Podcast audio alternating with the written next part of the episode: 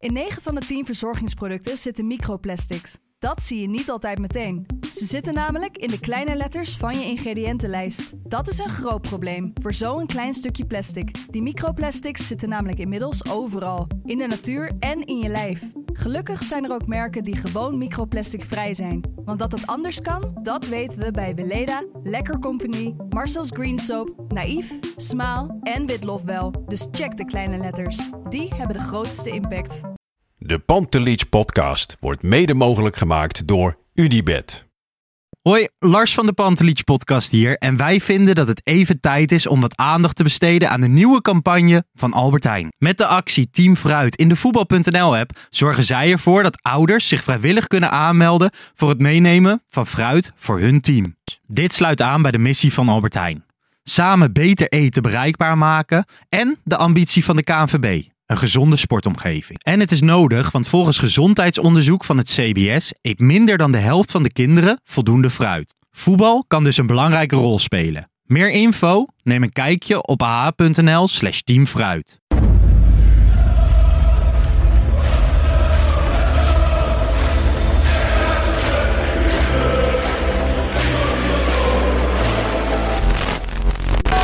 For me, they can have just lot of goals, lot of fun, and some some other things. Oh, André Rieu. Ja, geweldig. Zo mooi altijd voor belangrijke Europese potjes. Maar het hoort ook echt bij de Pantelich podcast hoor.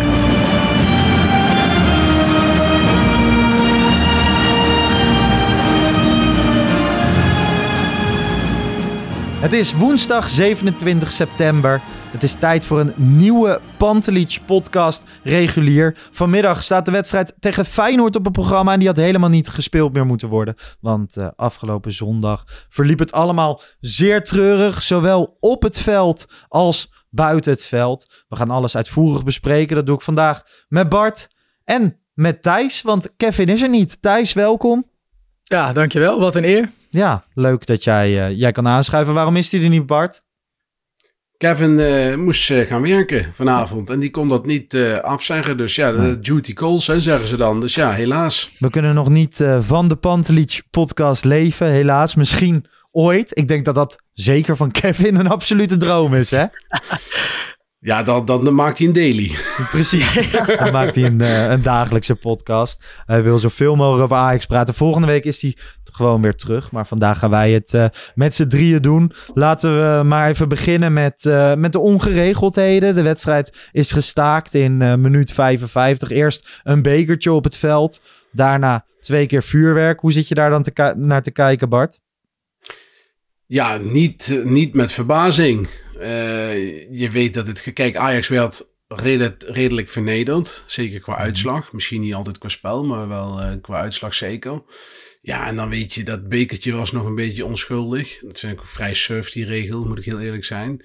Maar ja, dan weet je, als dan de eerste waarschuwing is geweest, dan is het aftellen. Want ja, de supporters, uh, hè, die uh, hebben liever geen vernedering op eigen veld. En die gaan dat dan gebruiken om de wedstrijd uh, te laten doen staken. Dus ja, het is jammer, maar het is wel de regelgeving van de KVB die dit mogelijk maakt. Van tevoren sta ik een biertje te drinken met, uh, met twee jongens van FC Afkikken. En zeg ik, als wij binnen een kwartier 2-0 voor of achter staan, dan wordt deze wedstrijd niet uitgespeeld. Kortom, als ik het zie aankomen, dan ziet de directie van Ajax dat ook aankomen. Hadden ze hier anders op kunnen anticiperen, Thijs? Misschien wel moeten?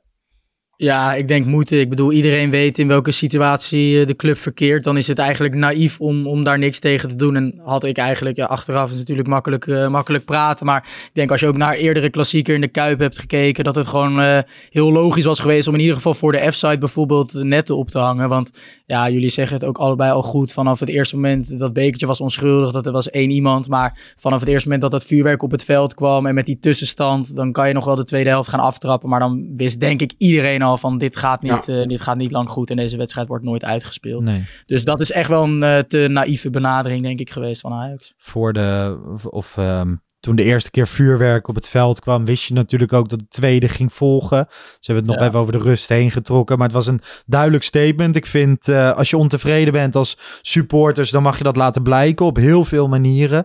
Ehm fakkels op het veld en zo'n wedstrijd staken. Het straalt wel heel negatief af op wat Ajax is. Hè. En ik moet wel zeggen, de afgelopen, nou ja, afgelopen paar jaar is er in, zijn er in de Nederlandse stadions best wat dingen misgegaan.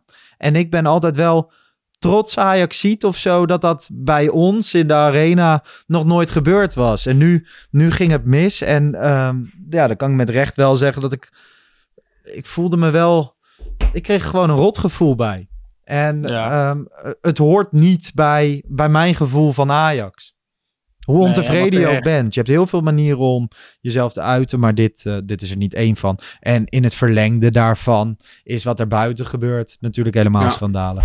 Nee, ja, kijk, iedereen is ontevreden en dat mag je ook uiten. Zeker, want het gaat ook slecht. En Ajax wordt ook gerund als een, eh, als een amateurclub. Dus je mag jezelf uiten en een spandoek en een, een spreekwoord, dat vind ik nog daar aan toe. Maar ja, een bestorming, ja, de- wat heb je daaraan? Dat, eh, dat heeft geen nut, vind ik.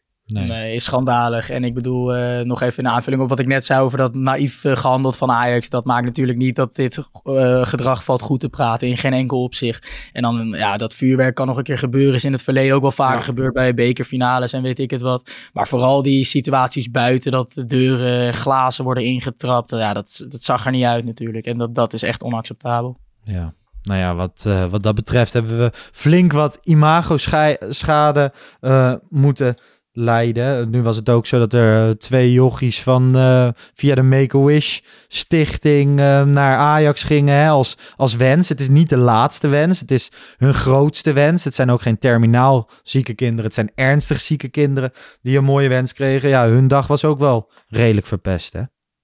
Ja, dat, is heel sneu, heel sneu. triest.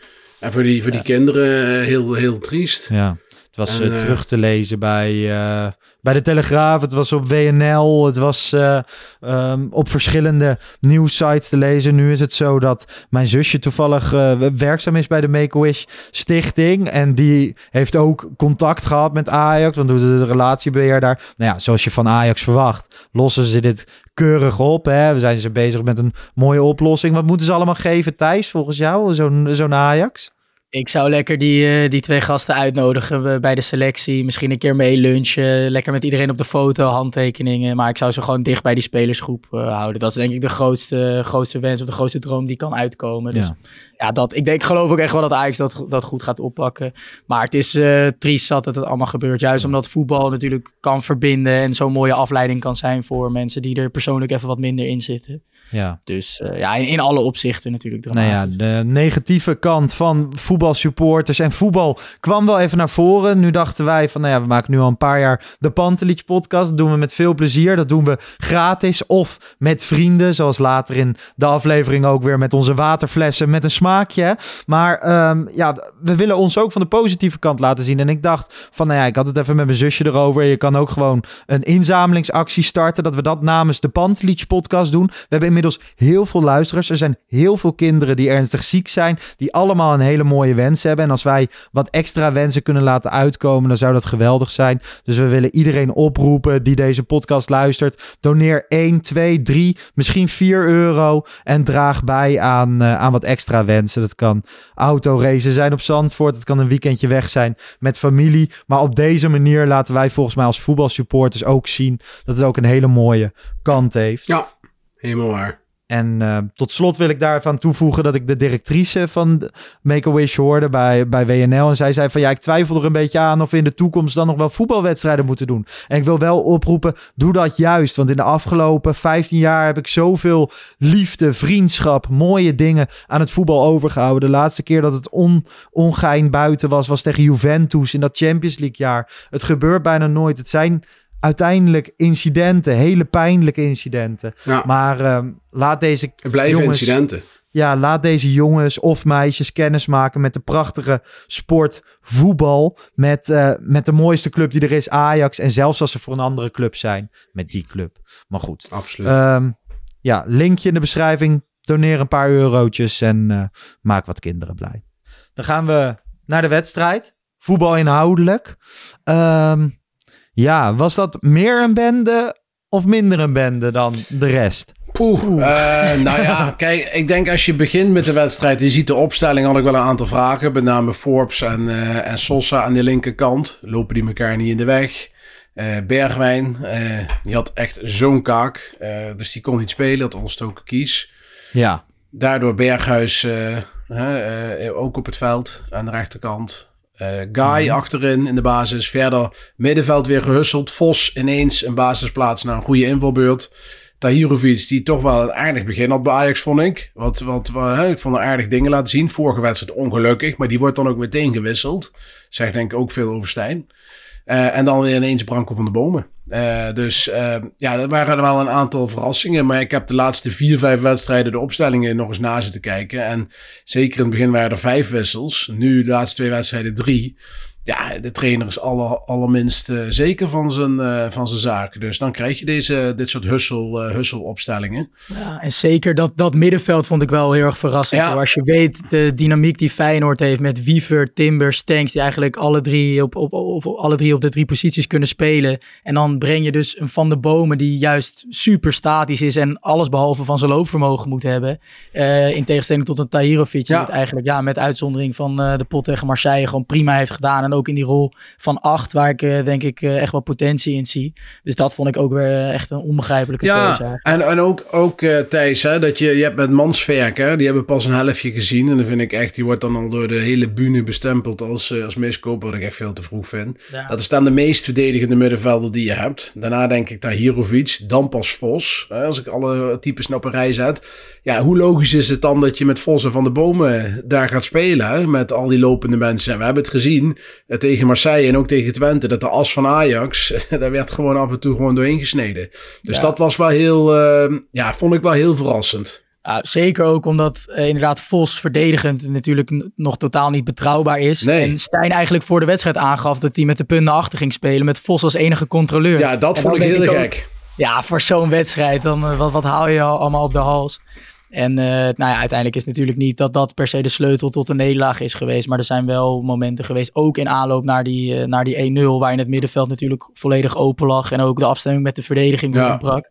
Dus ja, daar, daar zat ook wel een deel van het probleem. Dat sowieso. Ja, en ik zoek, en ik moet zeggen, ik zoek voor, voortaan overal iets achter bij Stijn. En nu denk ik ook dat hij uh, Vos gewoon daar neergezet heeft van kijk mij eens eigen jeugd brengen. Het is populistisch, toch? Ja, en dat is ook wel iets wat hij continu doet. Hij laat iedereen, ehm, gooit hij onder de bus. Dat doet hij bij Ja. Mansverk in Enschede. Dat doet hij bij Tahirovic tegen Marseille. Dat deed hij eerder bij Van der Bomen al na een mindere wedstrijd. En ja, heel eerlijk, eh, Silvano Vos heeft een prima invalbeurt gehad tegen Marseille. Pakt ook een onnodige rode kaart. En die jongen gaat er echt wel komen. Alleen, dit, dit is wel puur populistisch. Hij past elke keer zijn opstelling Absoluut. een beetje aan op wat verwacht het publiek van mij en hoe kan ik er beter uitkomen dan mijn technisch directeur.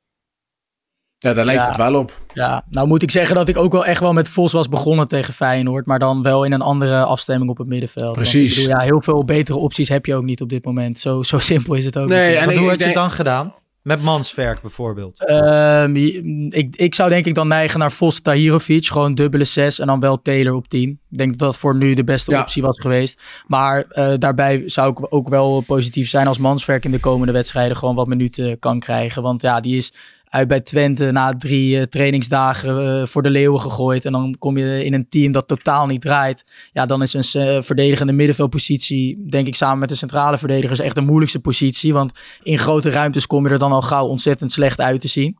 Ehm, en sindsdien heeft hij geen kans meer gehad. Dus dan is het niet lekker om natuurlijk je tweede wedstrijd Feyenoord thuis te spelen. Nee. Maar ik hoop wel dat we in de komende wedstrijden in ieder geval wat meer van hem gaan zien ook. Dat sowieso. Ik denk wel, Thijs, dat als je kijkt naar die bezetting, hè, dat de punten achter wel veel meer past bij de middenvelders die we hebben dan, de, dan met een dubbele zes. Hè. Dubbele Ja. zes kan wel, denk ik. Maar als je ziet Tahirovic en met name Mansverk, ik denk dat die de beste nog zijn op het verdedigende aspect.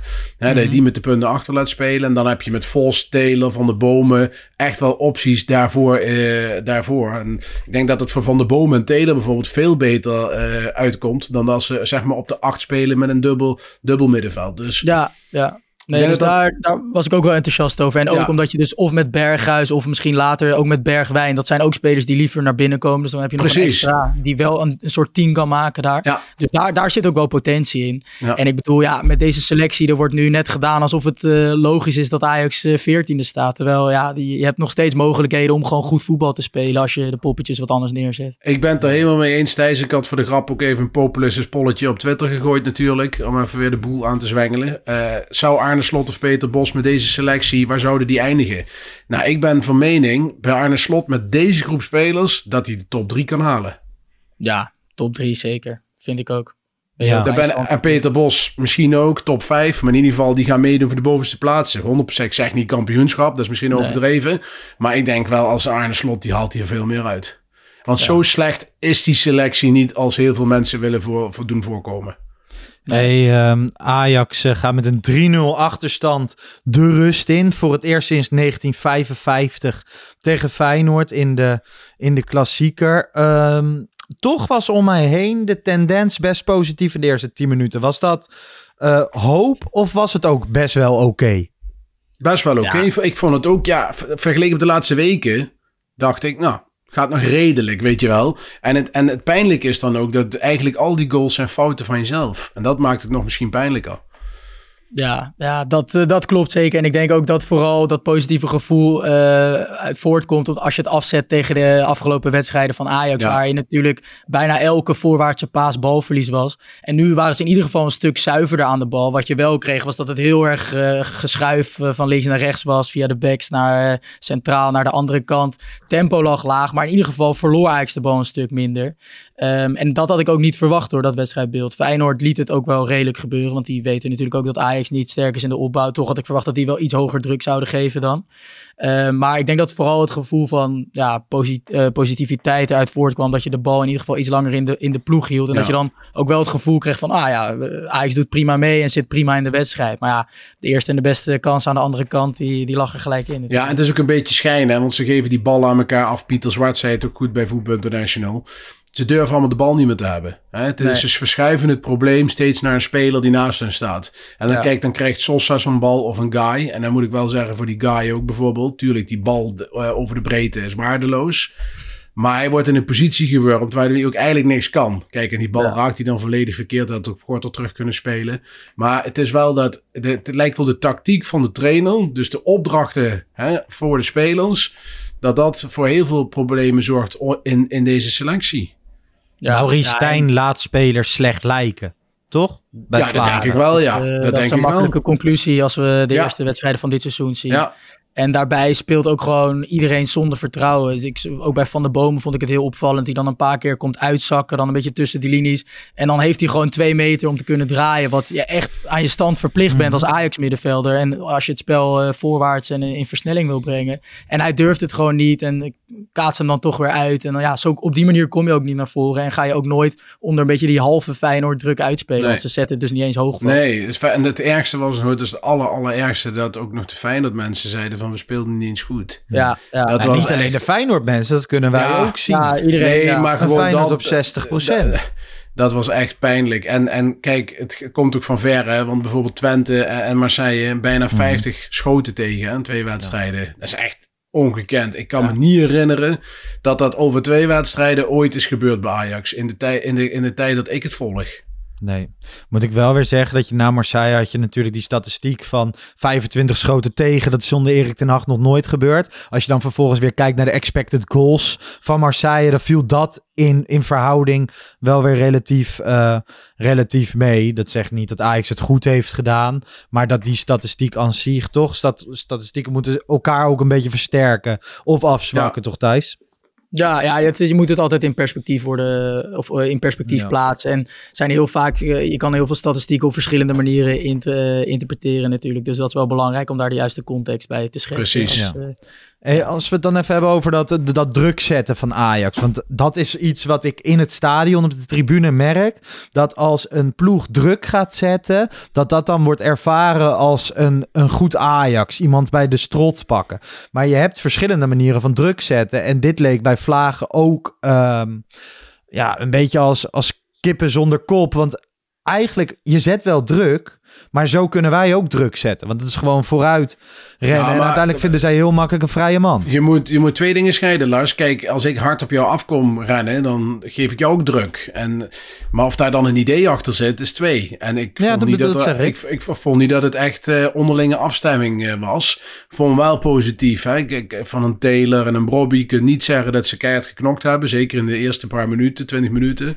Deze er echt goed. Alleen, ja, het is een hele elftal. Het, het doet maar wat. En ja, het is, het is gewoon, eh, je, ja, het is gewoon klaar met Stijn. Ik bedoel, hier, zit geen, hier valt niks We gaan meer straks naar de aan te bedanken. conclusies hoor, hoor Bart. Ja, maar ik, ik- kijk, ja, maar je laat ja. het al een beetje doorcijpelen van jij bent het, eh, een kleine teaser naar jouw conclusie. Maar eh, even dat druk zetten, we- Thijs, eh, ben je het daarmee Ja. eens? Leek het nergens naar? Of was er Nee, iets meer te zien dan eerst? Er was iets meer te zien. En dan denk ik wat Bart goed benoemt is inderdaad de rol van Brobby en Taylor. Die vooral een stuk hogere intensiteit legt in het aanlopen ervan. Eh, maar verder kan je toch ook wel ja, twee conclusies denk ik trekken. Dat het en tactisch niet goed wordt neergezet. En denk ik ook weer een gebrek aan vertrouwen. Want ik vond vooral dus de, de twee diepste middenvelders en de drie aanvallers best wel ja, op, op goede in- intensiteit, juiste timing, die, die loopjes maken. En Feyenoord ook echt wel een paar keer onder druk zetten. Waarin ze ook eh, het probleem of de bal vaak naar de back verplaatsen. En Feyenoord ook niet zo makkelijk het middenveld bereikte. Maar op momenten dat dat wel gebeurde, zag je zo duidelijk dat, dat eh, Vos te ver weg was. En dat de verdediging van Ajax te ver weg was. En dat heeft denk ik toch weer met vertrouwen te maken bij een Hato en een Soutalo. Die ook dus niet eh, nog, weet ik veel, 5, 10 meter over de middenlijn durven te Ja. pakken. Om in, in eh, grote ruimtes achter de verdediging eh, te laten. En dat is wel cruciaal natuurlijk. Want je kunt wel met de, de voorste helft van je team volle bak druk gaan geven. Maar als dan tussen je verdediging en je middenveld een gat van 15 tot 20 meter komt te liggen. En ja, kijk het maar terug. Dat is de aanloop naar die eh, 0-1 van Feyenoord. Hè?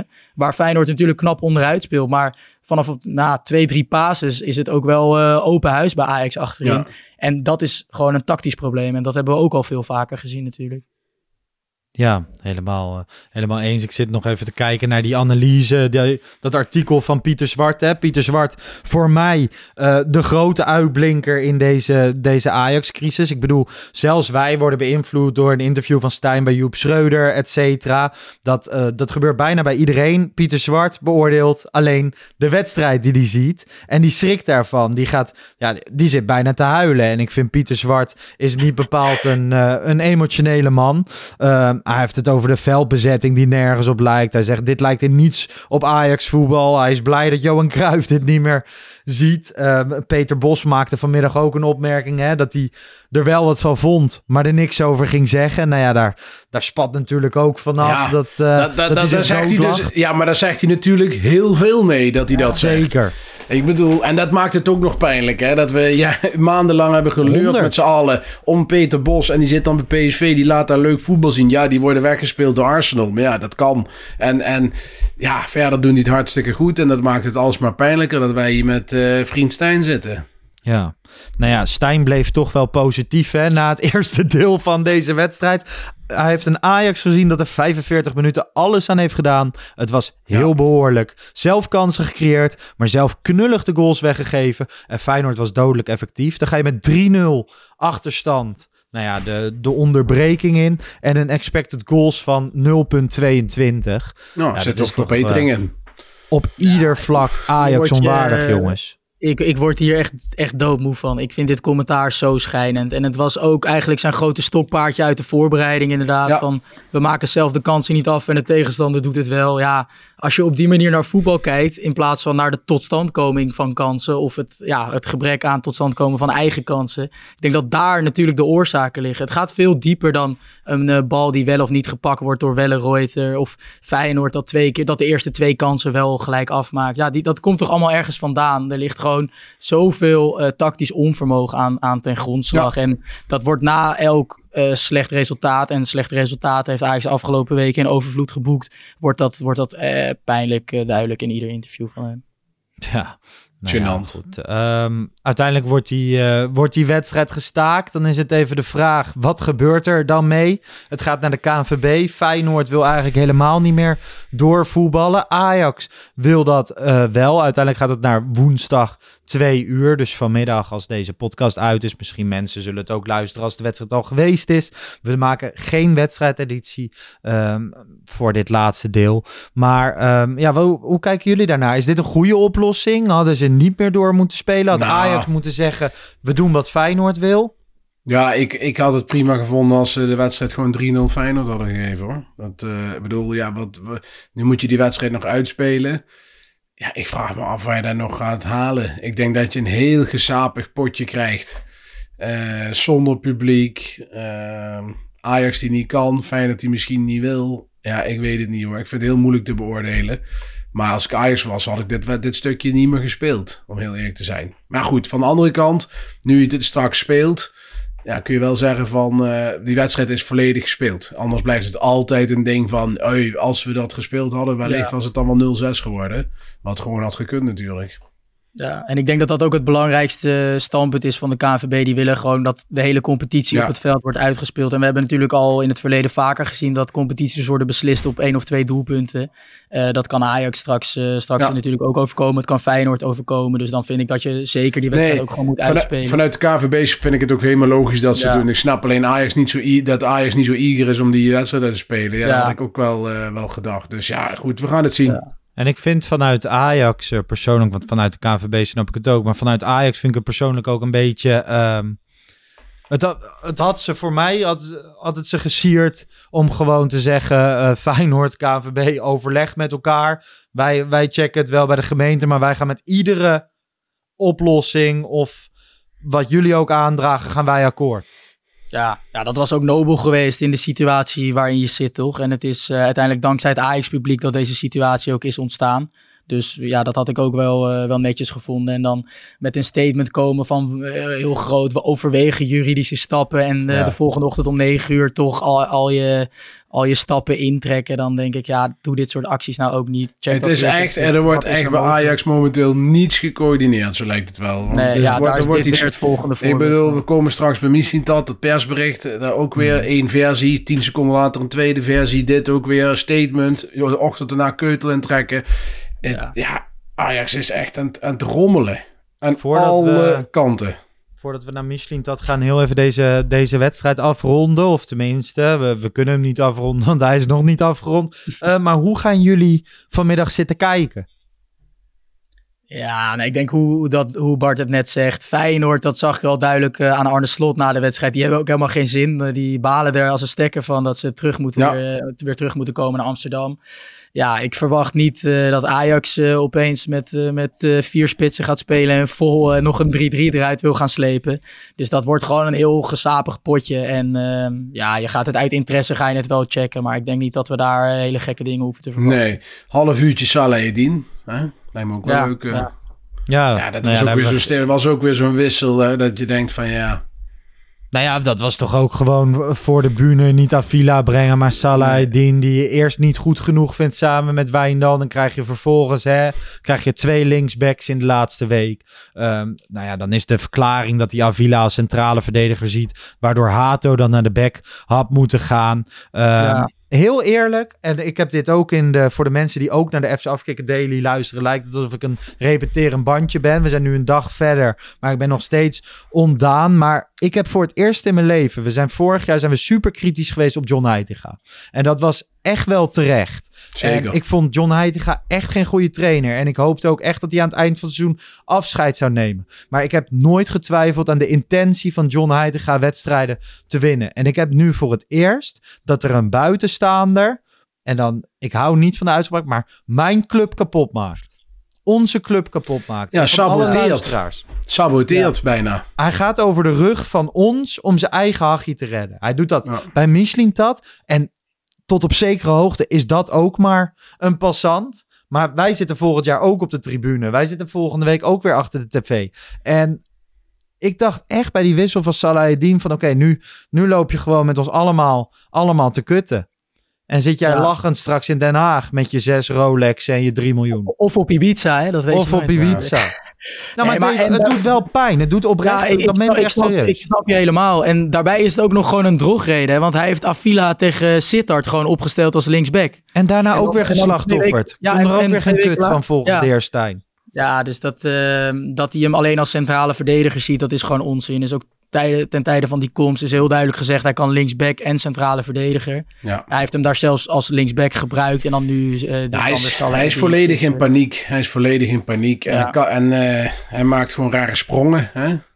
Dus Ja, ja, ja, kan het het nou? Ja, dat ja, is maar het. er, zit, dat is er het. zit ook wel een daadwerkelijk plan bij. Hè? Want als je naar de rol van de media, die hebben we de afgelopen weken hebben we die uitgebreid besproken, maar ook afgelopen zondag weer. Ja, de- ik vind, het, ik vind het echt gênant wat voor artikelen er online komen tijdens zo'n wedstrijd. Maar ook de rol van, van eh, ESPN. Als ik een Hans Kraai zie die een interview doet met, Schaamteloos. met Stijn, waarin hij drie keer hint op het ontslag van eh Michelin Tat. En hij geeft hem super makkelijke outs. Mario Been zegt dat Stijn alleen maar de dupe is van Michelin Tat. Nee, Michelin Tat heeft heel veel dingen verkeerd gedaan. Daar gaan we het zo ook even over hebben. Maar dat er niet kritisch wordt gekeken naar Maurice Stijn is echt gênant. En als je E ESPN bent, en dan ook dat heb ik in de daily gezegd, dan moet je... ehm, ik weet geen eens of je Mario Been of Hans Kraai een schuld moet geven. Ja. Maar een eindredacteur slash hoofdredacteur... Ja, dit heeft niks meer met journalistiek te maken. Nee, dit heeft, dit heeft alleen maar met, met reuring te maken en proberen de publieke eh, eh, opinie te En beïnvloeden. je vriendjes, want en je Maurice vriend- Stijn, ja, die lekt ja. wel van alles. Ja, precies. En Hans Kraai liet het duidelijk zien. Hans Kraai was in het begin nog vrij positief over eh Michelin Tat. Maar sinds dat uh, Heitinga weggebonjourd is, eh, zit hij daar als een soort vriend van Rob Jansen. Lijkt het wel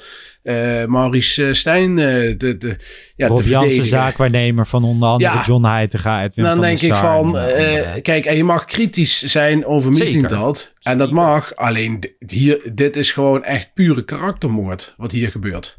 Ja. Ehm, nog even snel de stand. Vorige week eh, las ik hem helemaal op, maar dan maken we een podcast van 24 uur. Laten we dat Ajax maar niet staat doen. inmiddels eh, op de 14e plek. Een soort ode aan Johan Cruijff. Die zich, nou ja, we mogen wel zeggen, net als Pieter Zwart, eh, blij zijn dat hij dit niet meer ziet. En zich zou omdraaien in zijn graf, toch? Ja, Dat denk ik wel, ja. ja. Dit is alles waar, eh, waar Ajax niet voor staat. We zijn lang op zoek geweest naar het Ajax-DNA. Wist het zelf niet altijd te benoemen. Ehm, maar dit is het niet. Nee, dit hier, de Ajax staat weer heel ver weg van, van wat het wil zijn en wat je bij Ajax verwacht. En eh, ja, het is jammer dat er geen fax in de hemel is, want anders had Johan nog even een kolompje kunnen sturen. Maar ja, het is, eh, het is, eh, het is pijnlijk. En ik weet ook niet goed, hè, je, zit dan brainstormend van wie zou die rol van Cruijff kunnen overnemen nu. Wie is dan zo'n groot boegbeeld die dat kan doen? Ja, het zijn er maar weinig. Je hebt Louis Verhaal die eh, wat kan. Maar ja, daar speelt zijn gezondheid parten. Dan snap ik ook dat hij andere, andere prioriteiten heeft heeft. gezegd dat hij nog ineens zelfstandig kan plassen op het moment. Hè? Dus dat is Daarom. zo niet realistisch. Nee, dat, is, dat mag je ook niet vragen, vind ik, in eh, die situatie. Ja, en dan denk je toch, wat is dan nog een andere optie? Ja, misschien Jordi Cruijff, hè, die dan als Cruijff-adept en zoon van de boel een beetje moet gaan redden met Menno Grelen misschien eh, als directielid. En daar nog misschien iemand bij. Ja, ik weet het niet. Het, eh, het, is, het is heel lastig. Laten we naar Michelin Tat gaan. Eh, Sven Michelin Tat ontslagen bij Ajax vanwege een gebrek aan een breed eh, draagvlak binnen en buiten de club. Nou ja, nu begrijp ik dat dat binnen de club zeer belangrijk is. Ik weet niet wat de buitenwacht daarmee te maken heeft. Al eh, hebben die genoeg hun mening weten te etaleren de afgelopen maanden. Eh Michelin Tat was slechts iets meer dan vier maanden technisch directeur bij Ajax. 127 dagen. En ehm, ja, mijn, mijn conclusie is dat je een technisch directeur nooit na 127 dagen kan ontslaan. Nee, het zegt alles. Het zegt alles over de staat van Ajax. We hebben het er al over gehad. Als jij als directie, en niet iedereen in die RVC heeft hem aangesteld, dat weet ik ook. Edwin van der Sar was er nog bij betrokken. Maar als je toch na vier maanden je, man, je voetbalman voor de lange termijn gaat slachtofferen.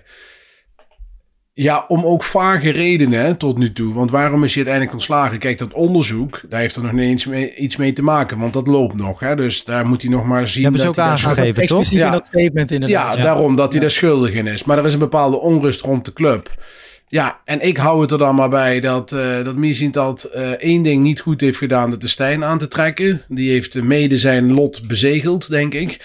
Maar bij Ajax heerst er ook een bepaalde vriendjespolitiek en, en ons kent ons cultuur. Waarin iedereen elkaar uh, informatie toeschuift. En, en, en, en ja, als mensen dan buiten gehouden worden of buitengesloten worden, dan ben je aan de beurt. En dan wordt alles in het werk gesteld. Wordt de media ge, ge, ja, neergezet en achter je aangezet. En ja, dat is denk ik hier aan de hand. Omdat misschien dat het wel die opdracht trouwens, hè, om gewoon op zijn eigen manier dit te doen. Wat ik ook heel logisch vind. Kunnen we, als technisch ehm, directeur. kunnen we ook een beetje zeggen dat er, er, worden koppen geëist. We zagen op, ehm, op Zuid 1 op de F-site tijdens de wedstrijd die eisen de koppen van de Raad van Commissarissen met het slachtofferen van Michelin Tat ehm, moeten op dit moment de minste mensen weg. Dus hij gaat weg. Daarmee veegt de RVC, die hem overigens niet heeft aangesteld. Hè, dat is nog onder de vorige RVC gebeurd, samen met Ed- Edwin van der Sar. ehm, hebben ze hun straatje schoongeveegd. Want hier waren zij niet voor verantwoordelijk. En zij hebben volgens mij het idee dat als dit gebeurt en ze wonnen die twee wedstrijden, toen nog twee wedstrijden tegen FC Volendam en RKC komend weekend, dat zij dan rustig de interlandperiode in, eh, in kunnen of konden gaan. Eén nuance, eh, Lars. Die Ja. RVC in zijn geheel, eh, maar sommige leden in de RVC zijn er niet verantwoordelijk voor. Hè? Want er zijn wel degelijk RVC-leden die er al lang zaten toen Misliet dat werd aangesteld. waar. Dat is Ik bedoel, ik bedoel niet alle vijf. Ik bedoel alleen Jan van Hals niet, maar volgens mij was Per Eringa er gewoon al. Is het ik. niet onder Leen Meijer gebeurd? De aanstelling van Michelin Tat? Volgens mij was Me- Meijert al weg toen Misliet dat kwam. Maar goed, eh, in ieder geval de twee dames en Kees van Oefelen, die zaten er al. Dus dus ja, Ja. Die, het grote deel was er gewoon. Oké. Hey, ehm, het nieuws van Michelin Tat. Dat hij ontslagen werd. Door wie, eh, door wie werd het gebracht? Je wilt het horen, hè? Ere wie ere toekomt. Nee, gewoon, jongens, dit is wel mooi. En dat is ook het leuke aan de Zeker. podcast. We zijn nu, eh, we zijn nu in totaal vijf seizoenen bezig. ehm, in allerlei verschillende formaties. En wij zijn geen journalistiek pla- platform. Dat pretenderen we ook bijna nooit te zijn.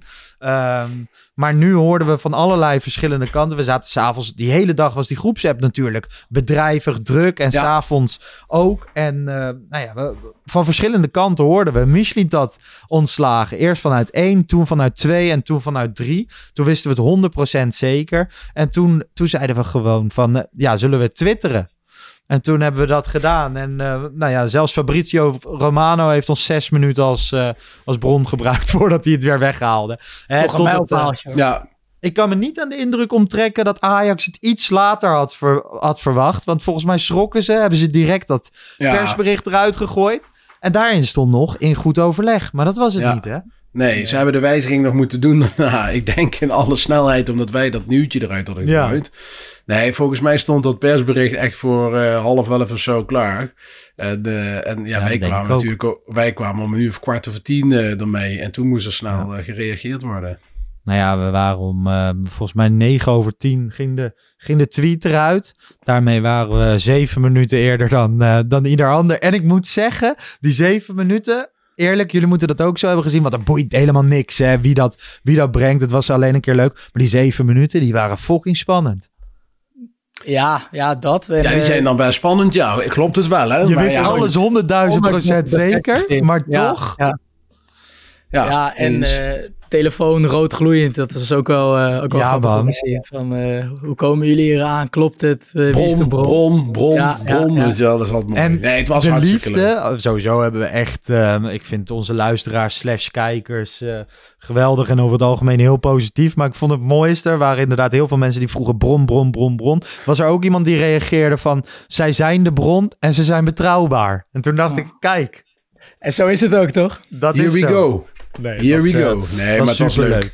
Ehm, ja, het zorgde wel voor dat we eh, zonder technisch directeur zitten. Vlak voor die klassieker kwam hè, het artikel van Mike Verwij naar buiten. Dat Michelin dat ook eh, de kleedkamers en trainerskamers en zo ingestormd zou zijn. Ehm, nou ja, we, er zijn ook geruchten over, over Gorter, hè, waarin tegen die zou hebben gezegd dat hij uit de basis zou, eh, zou worden gehaald. Of dat hij daar niet in thuis hoort en dat het ook snel zou veranderen. Ook, ook slim van Hans Kraai om dat te melden. Hè? Dat, eh, dat hij daarmee juist aangeeft dat Gorter een van zijn bronnen is. Dat is dan ook wel Nou ja, weer, eh, dat, dat is daarmee wel duidelijk. Maar Ja. inderdaad, wel uiteindelijk ook vanuit meerdere kanten bevestigd dat dat verhaal wel serieus heeft plaatsgevonden. Dus ook ja, wel ter aanvulling op, op wat, uh, wat Bart net eigenlijk zegt. Van ja, zijn enige fout is Maurice Stijn aanstellen. En er werd van hem verwacht dat hij uh, solistisch te werk ging. Dat, dat, daar ben ik het ook wel mee eens. Dat geloof ik ook echt wel.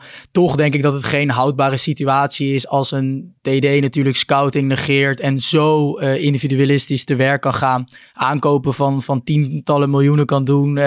zonder dat daar op nagekeken wordt. En dat de RVC gisteren bij monden van Eringa gewoon zegt. Ja, voetbal inhoudelijk uh, ligt de beoordeling van die aankopen niet in onze handen. Daar hebben we een, eh, een TD voor aangesteld. En ik denk dat je als club dan wel heel, heel erg zorgwekkend uh, bezig bent. Daarbij vind ik het echt jammer dat, dat dat weg is. En heb ik echt wel, vertrouwen in die aankopen. Maar denk ik dat hij ook gewoon het slachtoffer is geworden van een stuurloos Ajax natuurlijk. Zonder algemeen directeur. Er had na deze hectische transferperiode uh, het liefst was je met een nieuwe uh, algemeen directeur begonnen. Grote reorganisatie, uh, scouting eruit. Ook van bovenaf dus meer toezicht op de werkwijze van Mislintat. Ik denk dat Kroes Mislintat daar eigenlijk... Ja, het een prikkelende gedachte, maar ik denk dat dat een heel sterk en complementair duo had kunnen, had kunnen zijn. Daar vindt Kroes niet overigens.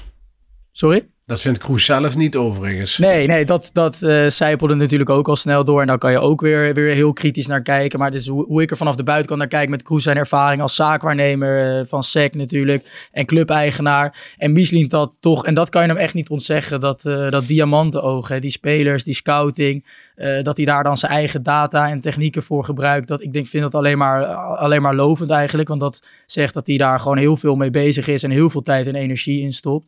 Dus voetbal inhoudelijk hoeven we daar allemaal niet zoveel op aan te merken. Maar ja, ik denk dat jullie het wel met me eens zijn dat het een ongezonde situatie is voor een miljardenbedrijf dat Ajax is. Als één man zoveel macht heeft. Dus daar had sowieso naar gekeken moeten worden. Je hebt hem veel te veel sleutels gegeven, joh. Je hebt hem echt veel te veel sleutels gegeven. En ik moet eerlijk zeggen, afgelopen zondag, hè, met, met alle verhalen. En je, je, leest, de, je leest de Telegraaf, je, je hoort het op ESPN. Maar je hoorde ook geluiden dat inderdaad Michelin Tat een solist was. En om heel eerlijk te zijn, want ik ben, ik ben ik vind dat als je een technisch directeur aanstelt, dat je hem dan ook zijn visie moet laten uitdragen. En dan moet je heus wel gecontroleerd worden door de algemeen directeur. En je kan nooit ontslagen worden na 127 dagen. maar als ik niet de leiding had bij Ajax, had ik afgelopen zondag ook Michelin Tat ontslagen. En alleen had ik Stijn ook laten gaan.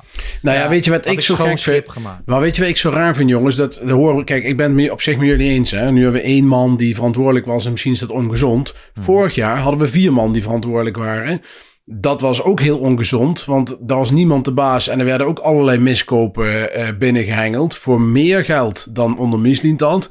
De spelers die destijds gehaald zijn vorig jaar zijn gemiddeld voor meer geld per speler binnengehaald. Daar hoor ik niemand weer over. Daar was Van der Sar ook verantwoordelijk voor. Van der Sar is verantwoordelijk voor het aanstellen van Mislintant uiteindelijk. Hij ging zelf een paar dagen voordat hij binnenkwam weg. Um, ja, dan denk ik van wat is dan wel goed? Want vorig jaar waren er heel veel mensen die besloten dat was het ook niet goed. Dit jaar is er één. En het is het ook niet goed. Maar ik denk met dat meerdere betekent niet dat niemand verantwoordelijkheid draagt. Je kan met meerdere zijn. En ik, ik en uh, Broes bij FC Afkeer kunnen continu discussiëren. Maar als er uiteindelijk een eindbeslissing gemaakt moet worden... dan maakt Broes die altijd. En dat weet ik. Ja. Dat was vorig jaar natuurlijk veel minder. Dat was inderdaad, we gaan met z'n vieren steggelen en dan gaan we een soort compromis sluiten. Je moet wel iemand hebben die de baas is, maar ja, in je eentje alles bepalen bij een bedrijf van 400 mensen waar honderden miljoenen in omgaan, dat is heel erg gek. Maar, maar, nou, maar wie, maar heel even kritisch, heel even dan als, als advocaat van Misli dat, met wie had hij dan moeten klankborden? Want Maurice Stijn heeft zijn eigen spelers mogen aandragen. Ja, die kwam weer met zijn uh, bekende lijstje Sambo en, en de keeper mhm. van Sparta en weet ik wel wat. Ja. Uiteindelijk is Misli dat de baas en die mag dan gewoon zeggen, ja sorry, ik heb een betere optie. En ja, die, maar normaal die ga halen. normaal heb je inderdaad een trainer. Die komt dan misschien met wat flut-aandragingen. Dan heb je nog een hoofdscouting. Die komt met wat dingen. Een algemeen directeur. Die hangt daar ook bij. Nou, dat is ook een controlerend orgaan. En de hele kleine inbreng die de RVC hier heeft met Jan van Halst. Pierre Eriga zegt dat. Van, die heeft het wel gecontroleerd, maar eigenlijk lees je gewoon van, nou, wij geloven het wel, we geloofden in deze man. En gewoon die organisatiestructuur is toch, die is gewoon verrot toch Thijs? Ja, nee, precies, precies. Dus oh, ik ben het helemaal met Bart eens. Met wie had hij moeten klant Zeker, worden deze 100. zomer? Dat- het dat is niet de schuld Dat van niet. Mislintat, het is de organisatie. alleen, en wat we Mislintat wel kwalijk kunnen nemen, is dat hij zichzelf onmogelijk heeft gemaakt. Ja. Ook, ik denk, onder druk met die hetsen van buitenaf, want een hetsen kunnen we het gewoon noemen. Ehm, ja, en is ook van hem, we ze noemen het eh, Stijn, kat in het nauw maakt rare sprongen. Maar dat kunnen we Mislintat ook niet ontzeggen. Want waar slaat het op om een dag voor de klassieker de toekomst op te denderen, met deuren te gaan slaan, schreeuwend binnen te komen? En waarschijnlijk voelde hij natuurlijk toen ook al van mijn, mijn steun is weg. Tuurlijk, dat voelde hij Eh, natuurlijk aan alle kanten. Wat er, wat, er, wat er in een ideale situatie was gebeurd. Eh, na zo'n hectische transferperiode. is dus gewoon. Ja, het liefst was je dat Alex Kroes was begonnen. Scouting volledig doorselecteren. aan de hand van, eh, van Kelvin de Lange en Mislintat. die daar hun eigen mensen op hadden moeten aanstellen. En dan, nou ja, eh, het liefst. ik denk dat het daar ook over eens zijn. de nieuwe trainer. Maar dan heb je een structuur staan van. nou, drie à vier organen. die met elkaar moeten klankborden. die dingen bij elkaar kunnen toetsen. En dan heb je een gezonde, gezonde organisatie staan. En dat is nu zo ver van waar Ajax op dit moment eh, eh, staat. Dus ja, eh, het was nu gewoon niet houdbaar. Maar ik denk dat, we, ja, dat wij het in ieder geval over eens zijn dat. Uh, misschien dat de voetbal inhoudelijk niet, niet heel veel valt te verwijten, maar in, ja, in zijn Nee, en ook over de aankopen. Hè, want iedereen die roept de koor Telegraaf voorop. Het zijn allemaal miskopen, 115 miljoen weggegooid. Ik denk dat dat heel erg meevalt. Ik denk dat Ja, je laten we dan over- even eh, het rijtje nog eens opnoemen. ja. Belangrijkste aankopen. Soetelo, eh Mika Tatsen, Van de Bomen, Mansverk, Forbes, Avila, Akpom, Borna Sosa, Tahirovic, Guy, Medic en Ramai. Ehm, dan wil ik direct wel even zeggen, heeft hij als scout individuele hele goede voetballers gehaald, maar heeft hij te weinig gekeken naar het maken van een team, dat je ook met elkaar moet kunnen commu- communiceren, dat je een competitie moet kennen, dat het, ja, het zijn wel heel veel buitenlanders die opeens aan Ja. elkaar moeten wennen. Maar het heeft er vooral te mee te maken dat ze pas drie weken denk ik met elkaar getraind hebben. In totaal en vier wedstrijdjes gespeeld hebben. Dat is denk ik het voornaamste. Want ik kan me nog het seizoen 97, 98 herinneren met Morten Olsen. Er werd er ook een heel bataljon vreemdelingen binnengehaald. En dat liep vanaf dag één helemaal goed. Alleen het verschil met dat elftal was, is dat er een, een, een raamwerk stond met, de, met, met Blind en de Boertjes en Van der Sar in het doel. Daar stond een bepaald raamwerk en er werden spelers op aangevuld. Dit team was helemaal afgerond. Er was een hele grote groep basisspelers weg. Daar wordt een hele nieuwe basis voor gecreëerd. Die basis die er al was. Dus de spelers die er al waren. Daar kun je van afvragen. Zijn die goed genoeg? En zijn die psychologisch goed genoeg? Daar bedoel ik. Zijn dat leiders? Zijn dat mensen die een team erboven kunnen halen? Nou, ik zie het niet. Bobby niet. Taylor niet. Bergwijn niet. Zijn allemaal geen spelers die een team beter laten voetballen. Berghuis heeft het nog een beetje. eh, als aanvoerder vind ik een beetje zo van wat Tadic had. Maar je hebt met Klaas en Tadic natuurlijk wel je hele aanvoerderschap eh, weg, eh, wegverkocht. Kijk, en dat, dat vind ik dan, als we dan kritisch zijn, dan misschien dat het psychologisch profiel van deze selectie klopt niet. En je haalt een hele groep buitenlanders, oké, maar de groep die er was, ja, dat is geen groep. Dat, je had daar wat meer eh, karakter bij moeten kopen. En misschien is Soetalo wel zo'n karaktertype. Alleen ja, hij heeft pas drie wedstrijden meegedaan. En het is allemaal los zand. Ook nog met een trainer die tactisch niks van kan. Ja, succes. Ja, en in, in dat opzicht was bijvoorbeeld het ook niet gek geweest om wel een Taliafico terug te halen. Ondanks dat hij dan geen restwaarde heeft en, en een, eh, een duur salaris. Maar dat is dan een investering die je inderdaad doet om de balans van karakters ook Ja, te maar dat was, ook een dat was dus ook een opdracht van Missintat om het salarishuis naar beneden te Ja. krijgen en weer het plafond te restructureren. Mhm. Dus kijk, als mensen dan boos zijn dat hij Tagliafico niet heeft gehaald, kijk, voor hem was dat wel een optie, alleen het paste niet in het financiële budget. Ja, Nee. wie zijn schuld is dat dan? Precies, precies. En daar kan je zeker over twisten. En, maar ik denk dat je het ook, eh, iemand als Taliafico moet je niet sec gaan kijken naar, oké, die is dan eigenlijk te duur. Dus een oude jongen met een duur salaris. Maar dat moet je in het grotere geheel zien. Zoals jij het schetst, die karakters zijn onmisbaar in een selectie. Ja, en die zijn er niet. eh, daarbij wordt nu heel vaak eh, gerefereerd aan die taalbarrière. En dat vind ik dan wel weer grote onzin. Want ze hoeven echt niet allemaal vloeiend Engels te spreken. De voetbaltaal, dat zijn vijf, zes woorden. Weet je, Ja. wel. je moet met elkaar kunnen afspreken wanneer je naar voren gaat, wanneer je naar achter gaat. Eh, dat is allemaal echt in, in, in tien minuten uit te leggen in een normale bespreking. Dus dat vind ik de grootste onzin. Maar ja, eh, cultureel en qua karakters eh, is er wel een bepaalde ja, disbalans in deze selectie. Daar zijn we het over eens. Ik hoor eh, veel het woord eh, karakters. Ehm Michelin dat wordt ontslagen. Ajax doet een Instagram post en vervolgens eh liken onder andere ehm, Davy Klaassen, Brian Brobby, Dusan Tadic, Owen Wijndal, Steven Bergwijn, Kelvin Bessie, Noah Lang en Daily Blind. Die post. Ehm, wat zegt dat over deze karakters? Ja, ik vind het. Ja. Ik, kijk, ik, ik vind dat je per persoon moet bekijken. Ik kan me voorstellen dat er wat zeer zit bij Blind en Klaassen. Maar dat, daar moet ik misschien, want misschien dat wel eh, nageven. Hij heeft wel een paar impopulaire beslissingen gemaakt. die voor Ajax juist eigenlijk wel beter zijn. Tuurlijk, Klaassen als aanvoerder of als semi-aanvoerder had je nog kunnen gebruiken. Voetballend was het klaar. En dan zie ik zo'n Bergwijn zo'n post liken. Dan denk ik. Is onze aanvoerder, hè? Ja, precies. Dan denk ik van als jij zoiets doet, morgen die band af. Ik zou woest zijn. Alleen er, is, er is niemand die woest kan zijn. En Nee, Stijn, die zou het liefst die foto 20.000 keer liken. Hè? Want die is Ja. er blij mee dat Michelin dat. En dat, Die kan hiermee zijn gelijk ja, maar dat, halen. Ja, en maar- dat mag zeg maar, dat mag zelfs nog. Dat Stijn Michelin dat niet lag en dat hij blij is dat hij, hoe dan ook. Alleen, ik vind het zo. Ook dit doet me pijn. Dat meen ik echt oprecht. Gewoon van. En ik heb ook zoiets als het dan niet goed gaat. Hè? Davy Klaassen, Daily Blind, eh, Bergwijn. Allemaal kunnen ze praten. Dat zullen ze intern. Sommigen zullen dat ook al niet hebben gedaan, hun verhaal. Ze hebben allemaal vriendjes in de media. Daar doen ze hun verhaal ook niet. Ze zeggen nooit wat. Alleen maar van die, nou ja, hele veilige kutantwoorden de hele tijd. En ik gebruik gewoon ferme taal, omdat ik dat ook best ferm vind. Ja, en dan durf je wel een like te doen. Kom op, we zijn geen 13. Ja. Nee, maar ook, Nee, ook, ik ook Owen. Owen Wijndal, die dan dat liked. Nul recht van spreken. Ja, echt. Denk, je hebt ruim een jaar bij Ajax gezeten, alleen maar gelachen. Je hebt niks laten zien en dan ga je dit ook nog liken. Kijk, dat, en dat, als- Als er nu eentje zit te luisteren, hè, bijvoorbeeld, ik zeg, ik zeg maar wat, Daily Blind zit daar lekker in Spanje, die ligt daar lekker aan het zwemmen, want die zit er prima bij, doet het daar hartstikke goed. Dat, ik ben super blij voor hem. Hè. Ik vind het een magistrale vent, een mooie Ajaxiet. Ehm, maar hij denkt van, ho, ho eens even, deze gasten hebben helemaal niet gelijk. Sven Michelin, dat, dat was een tiran achter de schermen. De mensen zouden dus moeten weten. Als je dan het beste met Ajax voor hebt, hè, dan, ehm, en dan, dat zou iedereen kunnen zijn, ja, dan zou er toch wel een groot verhaal naar buiten kunnen komen. Of in het belang van Ajax intern Ja. gesproken worden.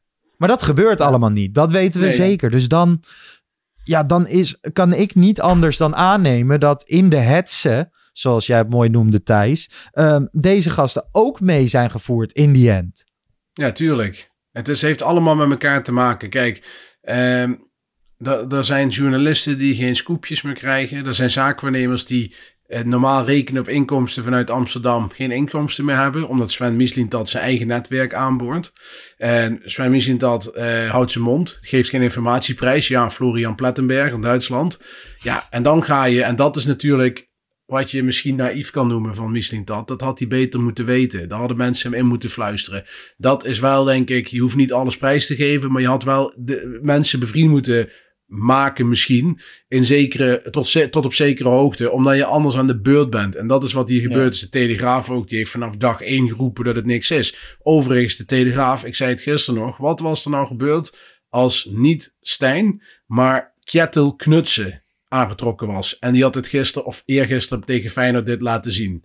Denk je dan echt dat er dan één medium in Nederland was die had gezegd... nee, die trainer die moet het doen. Dan waren Tuurlijk er woordgrappen gemaakt. Was er over zijn Noorse achtergrond van alles geroepen. Hij was geen trainer Eh, meer geweest, Bart. Nu. Nee, precies. Dus Dan waren ze er allemaal maar- uitgegaan. Maar dat, dat is dan toch ook het hele verhaal. Ik bedoel, het is Ja. haast een beetje xenofobisch af en toe. Dat ik denk van Ja. ja, een buitenstaander, die, die, die, die, die moet wel twee keer zo hard zijn best doen en twee keer zo goede resultaten halen voordat hij serieus genomen wordt. Daarna gaat er ook last van. Hè? Laten we niet vergeten dat hij niet naar Telegraaf gehaald is geweest om, om, om redenen. Ja, maar er- ik vind het ook simpel om alleen maar de Telegraaf te noemen. Dat vind ik heel eerlijk. Als je naar andere rapportjes kijkt, Ja, Oh, zo precies hetzelfde. mogen zich ook afvragen Ja. eh, waar, de, waar de lijntjes en de info Nee, vandaan ik noem nu de Telegraaf specifiek, want die deed vanaf dag één. Zeker, Echt vanaf zeker, het moment tuurlijk. van dat... Misschien dat heeft nooit een kans gekregen bij de Telegraaf. Nee, Nooit. maar de keerzijde, de keerzijde is wel dat ehm, inderdaad op dag één zij hebben bepaald. Hè, dan heb ik het over Mike. Mike, heb- ik heb hem in de eerste week toen ook nog gewoon op persoonlijk niveau gesproken. Zei hij, let maar op, dit wordt niks. En nu zegt hij van, kijk, ik zei het je in week één. Nou, Ja, dat is misschien nog, dat is misschien nog, kan je daar dan, ja, weet je wel, als je Nee, dat... maar het is, Ik het vond het ook een natuurlijk- hetze, hè? alleen... Ja. En het, en het is geen journalistiek, hè? Want je taak is om, om verslag te doen, een situatie te analyseren, te duiden over langere termijn. Ja. En je kunt niet op dag één gaan zeggen, dit Nee. wordt niks. Dan vervolgens is de situatie in de afgelopen vier maanden totaal veranderd. Want daar was toen ook nog niet het zicht op. En dan nu een beetje je gelijk gaan halen. Dat is ook Ja. wel heel simpel. Ja, onder het mom van waarheidsvinding. Hè? Maar we Ja. weten allemaal dat dat het doel niet is van dat soort Nee. partijen. Nee. Die hebben er geen baat bij. Die waarheidsvinding, dat zal zo'n worst wezen. Nou ja, goed. ehm, ik, denk, eh, dat, ik denk dat we allemaal mogen hopen dat, eh, dat de volgende technisch directeur een klein beetje gespaard wordt. De afgelopen tijd zijn wij als eh Pantelich podcast natuurlijk ook best wel eh, bij tijd en wijle een klein beetje neergezet als de beschermengelen van Michelin-Tat of zo. Ja. Of de beschermheilige, hoe je het ook wil noemen. Dat is natuurlijk niet zo. Ik heb alleen van tevoren gezegd, als jij een technisch directeur aanstelt, dan moet je hem de tijd geven. Ik vind, ik vind het al schandelijk dat je een trainer na zo'n korte tijd kan Maar daarvan kan je altijd zeggen van, nou ja, je ziet dat hij er tactisch niks van bakt. De, de groep ziet er niet uit, het voetbal, de resultaten. Ben ik al geen voorstander van, maar een technisch directeur kan je nooit na zo'n korte tijd ontslaan. Geef iemand de sleutels. Niet de hele sleutelbos, want dat hebben ze bij Michelin dat fout gedaan. Ja. Maar geef iemand dan ook de tijd. We hebben toen aan het begin, hè, toen wij filosofeerden over, oké, hoe gaat deze renovatie eruit zien? Hebben wij gezegd, geef hem de tijd. Ja. Wij hopen dat hij wat eh, jongens uit het buitenland haalt. Want heel eerlijk, veel opties in Nederland zagen we ook niet. Ik zag Nee. ook sommige opties wel, als je dan bij PSV nu Schouten ziet lopen of Noah Lang. Die hadden natuurlijk ook in Amsterdam kunnen spelen. Dat is een beetje om het, eh, om het even. Maar iedereen zei, geef het proces de tijd.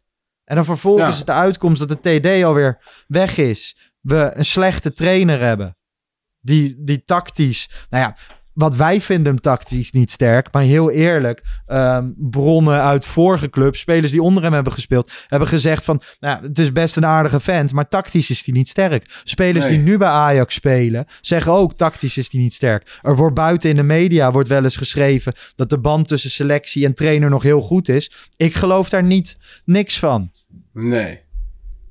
En dat is pijnlijk, jongens. En eh, we hebben natuurlijk ook al ook bij de aanstelling gezegd van oké, dan moet het tactische van Maduro komen en Bakati is een goede Ja. veldtrainer. Maar uiteindelijk houdt het bij een topclub geen stand als de hoofdtrainer eh, Ja. het tactisch niet kan uitleggen. En ja, die maakt de opstelling. Ja, En die, en die moet het kunnen verantwoorden naar zijn spelers. Maar- en als spelers doorvragen en voelen dat daar helemaal niks achter zit en dat daar niks uitkomt, ja, dan verlies je. Dan kan je nog zo'n leuke fan zijn en lekker armpje om de spelers heen staan, slaan en eh, na een gewonnen wedstrijd een biertje drinken. Maar dat houdt geen stand in, eh, in slechte tijden. Nee, maar bui- buiten dat, hè, kijk, eh, los van het tactische.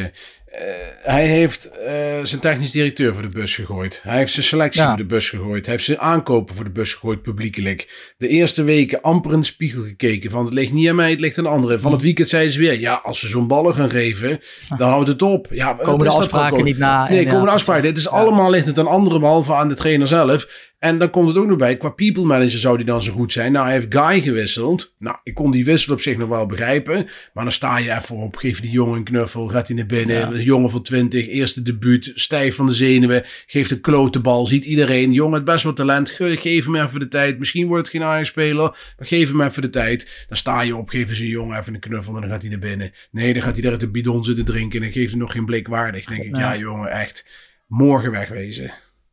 Het is, ehm, ja, wat dat, wat dat aangaat, eh, schrikbarend en alles behalve een people manager. Helemaal niet. Overal hoort. Want dat, dat, dat blijkt echt eh, in helemaal niks. Ehm, je zou wel kunnen stellen met het ontslag van Michelin-Tat neemt de RVC en tijdelijk aangesteld directeur ehm, Jan van Hals nemen wel de regie terug in handen. Dus zij, hè, we, eh, ze Michelin-Tat er dus zij gaan weer over het lot van de trainer. Johan Inan, clubwatcher voor het Algemeen Dagblad, schreef ook dat het zeker nog niet een zekerheid is dat de RVC blijft, maar ook zeker niet Maurice Stijn. Hoe groot eh, acht jij de kans dat we na de interlandbreek geen Maurice Stijn meer hebben, Bart? Ik denk dat de kans dat hij er weg is eh 99,9% is. Echt? Dat denk ik wel, ja. Wat is dit voor goed nieuws? De- eh, denk je dit echt? Want Nou, ik heb het idee ik, als die hè, van Feyenoord morgen gewoon of vanmiddag voor de luisteraar 3-0 verliest. En het wordt eh, 0-1 in Waalwijk, dat hij er gewoon nog lekker is. Maar met de- deze trainer en, en deze staat van het elftal ga, je niet, ga, je niet, in- ga je niet in Wolk winnen hoor. Dat gaat niet gebeuren. gaat niet gebeuren. En ik moet nog maar zien, hè, we, nogmaals, we nemen deze podcast op voor de, eh, de, het restant van de wedstrijd. Moet ik maar zien hoe die wedstrijd afloopt. Ja, jongens, kom, het is toch helemaal niet Ja, als Feyenoord er man. nog wel twee bij maakt. Ja, En, en daarbij, ik denk het belangrijkste, kijk, heel simpel. Als hij nu, kijk, Feyenoord uh, woensdag ga je niet meer winnen. Uh, Maar uh, zolang hij vervolgens wel blijft winnen, zal hij blijven zitten. Dat is natuurlijk hoe het met Marcel Keizer toen ook is gegaan. Die onder volle druk opeens alle wedstrijden ging winnen en toppers ging winnen. Daar baalde Overmars Ehm, van. Maar, ja, wel- ja, maar ik vind nog wel een andere reden. Marcel Keizer, die had toen, daar vond ik een gentleman. Die werd met de zaak Nouri, heeft hij enorme valse start gehad natuurlijk. Dat is iets waar je niemand wenst. En als beginnend trainer helemaal niet. Daar werd hij wel door. Hè, dat heeft wel impact op zijn eerste half jaar gehad. En, en dat was een gentleman. En dat, was, dat vo- vond ik ook iemand die had wel een idee. Die had bij Jong Ajax een idee gehad, et cetera, et cetera. Ik heb hier zit ik nu met een trainer, eh, met een soort pitbull te kijken die naar iedereen bijt. Zelf niet terug zijn hockey in gaat en een keer denkt van nou, nou even niet. Hij laat de teams niet beter voetballen. 50 schoten in twee wedstrijden tegen is ongekend. Je Ja. wordt eh, eh, in, in, mijn, in mijn herinnering eh, ben je de Feyenoord nog nooit zo vernederd als nu. Ja, jongens, op wel van basis moeten we doorgaan. Nee, daar, daar ben ik het ook helemaal mee eens. En als je het gewoon voetbal inhoudelijk analyseert, dan had je hem zondagavond naar Feyenoord Ja. 100% eruit moeten gooien. Maar goed, dat is niet gebeurd. En dan, als we nu kijken naar hoe wij denken dat Ajax gaat handelen, ja, dan zolang hij blijft, blijft winnen. Ze zal hij blijven toch ook hun eigen hachje verdedigen. Zolang Ja, hij ik blijft zou- winnen, ik blijft zou de het RVC echt- zitten en ik blijft zou hij het- dus ook zitten. echt schandalig vinden. Ik en ook. ik zou het echt, echt gênant vinden. En dan mag ik hopen dat de publieke opinie zich echt heel snel er tegenkeert. Want ik kan me. ik- dit, dit, is, dit gaat niet gerepareerd. Dit wordt niet beter, jongens. Nee. Volgens, dit is ehm, trek aan een dood paard. Echt serieus. Volgens de publieke opinie moet, ehm, moet de RVC ook wijken. Hoe, ehm, hè, we, we, we hebben de, de spandoeken gezien op de F-site. Ook om me heen Ja. hoor ik het eh, op de tribune. Ik hoor het zelfs gewoon in het dagelijks leven. Hoe kijken we daarnaar? Nou, het is wel handig dat er op een gegeven moment nog wel mensen werken bij Ajax. Dat me wel handig. Want ja, Ja, ik, iedereen op straat. Ja, op een gegeven moment heb je alleen nog de, de kantinejuffrouw en dan moet die de beslissingen maken. Ja, kijk, op zich, de mensen die daar zaten, die dit veroorzaakt hebben, die, kijk, ik had het heel erg ballen gevonden als ze misschien het hadden laten zitten. En dan gezegd van goed, wij hebben hiervoor gekozen, of jullie het leuk vinden of niet. Dit is de route die we gaan bevaren. Kun je iets je geen thuiswedstrijd meer uitgespeeld? Nee, oké, maar dan heb je wel ballen als RVC. Nu ga je de makkelijkste optie kiezen, slachtoffer je misdietant. En daarmee eigenlijk faillissement van je eigen keuzes. Dan vind ik dat de mensen die er zaten toen dit besloten werd, daar hun conclusies aan moeten trekken. Ja, ook Heel als jij in de. RVC zit om, eh, weet ik veel, de financiële dingen te controleren of zo. Ja, je, je bent samen de RVC, dus dat degene die Ja, er zaten... ook samen de directie. We vinden toch ook niet dat Menno Gele eruit hoeft? Of eh Suzanne Nee, maar-? Nee, maar goed, voordat Jan van Halster was, werd, werd dat wel, werden wel, gingen niet voetbal RVC-leden voetbalman Mislintat aantrekken.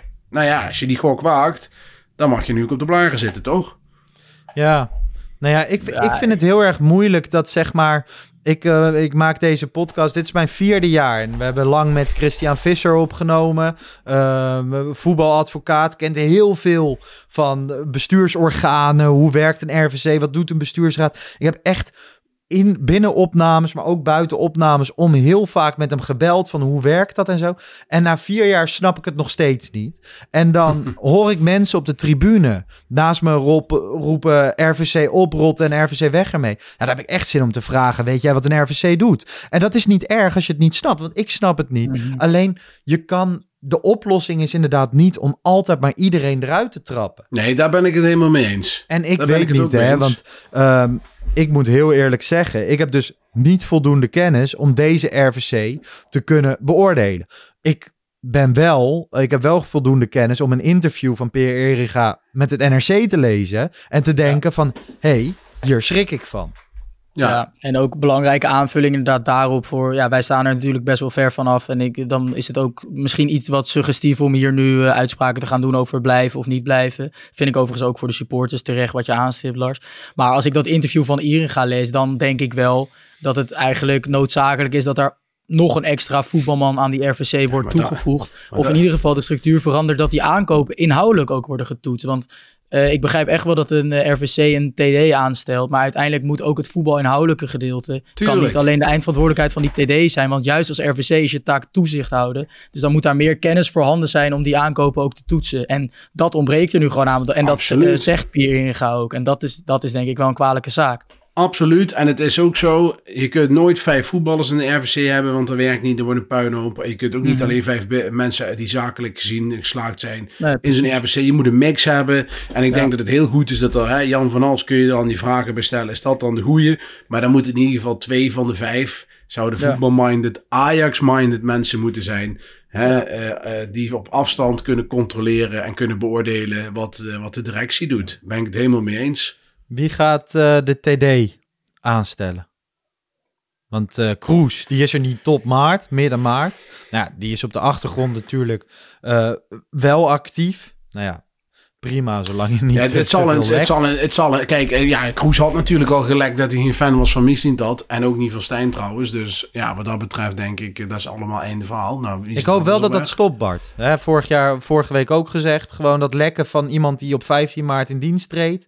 Dat lijkt Nou, mij niet de bedoeling. ik- en ik zei- ik zei- onverstandig. En anders moet je er geen eens aan beginnen. Nee, ik zei letterlijk van hoe graag moet je een AD hebben waarvan je nu al weet dat hij zijn vrienden van de pers inlicht over het, over het rijlen en zeilen bij Ajax. Ja. Dat is wel natuurlijk een kwalijke Tegelijkertijd zaak. heb ik nog steeds hartstikke veel vertrouwen in hem. Heb ik liever dat hij vandaag dan morgen start. Alleen, Ja, en waar is dat op gebaseerd? nou ja, hij heeft natuurlijk eh, bij SEG goede dingen gedaan. Bij Go Ahead Eagles heel erg pragmatisch aan het werk geweest. Eh, alles, toch alles wat je van hem leest en interviews, et cetera, en hoe hij overkomt, ehm, komen op mij goed over en ehm, getuigen wel van leiderschap. En als Ja, er iets ontbreekt bij Ajax op dit moment is leiderschap. Daar ben ik helemaal met je eens. Alleen de afgelopen periode heeft mij wel doen beseffen dat als de pers vindt dat iemand geschikt is, dan zit daar vaak een addertje onder het gras. Want dan is het ook vooral iemand die graag heel goed met de pers omgaat. ja, maar als we- Want kijk, we moeten niet mensen gaan, gaan aannemen of afvallen op... kan je wel of niet met de pers omgaan en Nee, wat maar dan wil, van ik, jou? dan, wil ik je, dan wil ik iets anders zeggen. Toen Mislintat werd aangetrokken was eh, vanuit, de, vanuit de media en ook vanuit enkele supporters heel veel de kritiek. Hij heeft geen ervaring, of nauwelijks ervaring als TD. Hmm. Nou, dat had hij wel. Dat had bij Arsenal en bij Stuttgart. Kroes heeft ervaring bij SEG, een zaakwaarnemerskantoor, en is AD geweest bij Go Ahead Eagles. Maar alle respect voor Go Ahead Eagles.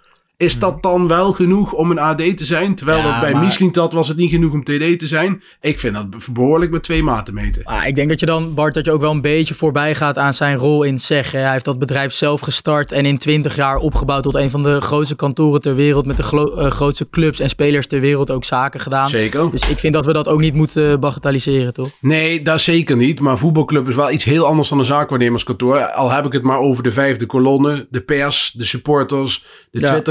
Noem het maar op. Het komt allemaal op je af, hè? Het is wel een hele andere dynamiek. Ja, ja, en ik vind ook dat we hem niet groter moeten maken. Nee, dat. eh, hij, wordt kijk- nu, hij wordt nu op een gelijke voet Ja. met Johan Cruijff Ja, gezet. Ga er maar eh, aan staan, hè, om alles Nee, te... maar- ja. Ja, maar kijk, ik moet dan dat weer nuanceren helaas. Want Ja. ik merk ook dat... Nee, dat het is terecht, het, het is nu net niet eh, Jesus Christ himself die dan binnengehengeld wordt. Ik vind dat we wel even rustig aan mogen doen. Hè? Ik Ja. bedoel, eh, hij zal vast kwaliteit hebben, ben ik het helemaal met je eens. Ik denk dat het ook op zich inhoudelijk best een goede keuze zal zijn. Maar het is niet de sleutel weer terug naar halve finale Champions League per se. En, als heel mensen eerlijk, dat denken. als je dan... Want ze hebben dit natuurlijk ook weer in communicatie dramatisch gedaan... door het statement eruit te gooien... en toen pas eens met AZ te gaan praten. AZ te praten, maar met ja. terugwerkende kracht... Ajax had op dat moment behoefte aan leiderschap. Als dan iemand pas op 15 maart beschikbaar is... wat nog heel veel tijd is... had je misschien wel moeten zeggen... ja, sorry, dan wordt het hem niet... want dan gaan we voor een ander. Ja, Toch? ja. Of een hele duidelijke alt-interim moeten kiezen. En Maar niet zomaar ineens dan Jan van Alsten doorschuiven. Nee, maar goed. Ehm, omwille van de tijd eh, gaan, we, gaan we even door. Gaan we hierover ophouden. De komende tijd zullen we het er nog vaak genoeg over Denk hebben. je? Mocht, eh, dat denk ik wel. Mocht Maurice Stijn eh, de komende tijd ontslagen worden... of na de wedstrijd tegen Feyenoord... nogmaals, na de wedstrijd tegen Feyenoord... geen wedstrijdeditie... maar mocht er iets gebeuren... binnen de persoonlijke bezetting bij Ajax... Hè, laten we hopen van niet... Tussen haakjes. Ehm, dan komen we uiteraard met een extra Pantelic podcast. Ehm, ik ga deze week de alfabetautomaat even overslaan. We zijn namelijk al echt heel lang aan het podcasten, wat, eh, wat super leuk is. Wel wil ik nog even toe naar eh, Jong Ajax FC Eindhoven.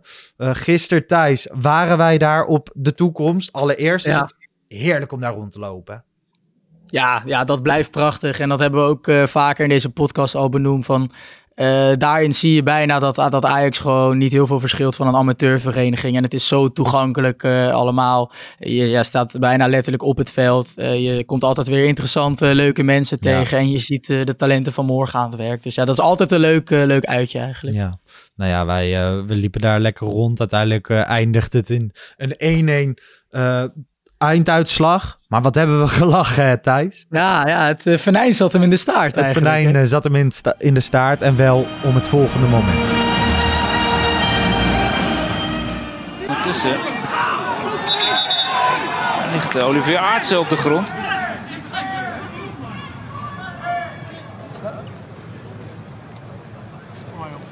Met pijn aan het gezicht. Hey, hey vierde man. Heb je niks gezien? Heb je niet? Mannen, mannen. Hier doet hij geeft toch gewoon twee klappen, hè? Hey. Juri Roos. Uh... Hey. Hij slaat hem gewoon neer. Hey. Vier man staan ja, Dat is wel duidelijk wat hij ervan vindt. Hij slaat hem gewoon neer. Serieus. Hij slaat hem serieus Even serieus, neer. Hij hoekt hem gewoon hey. ver.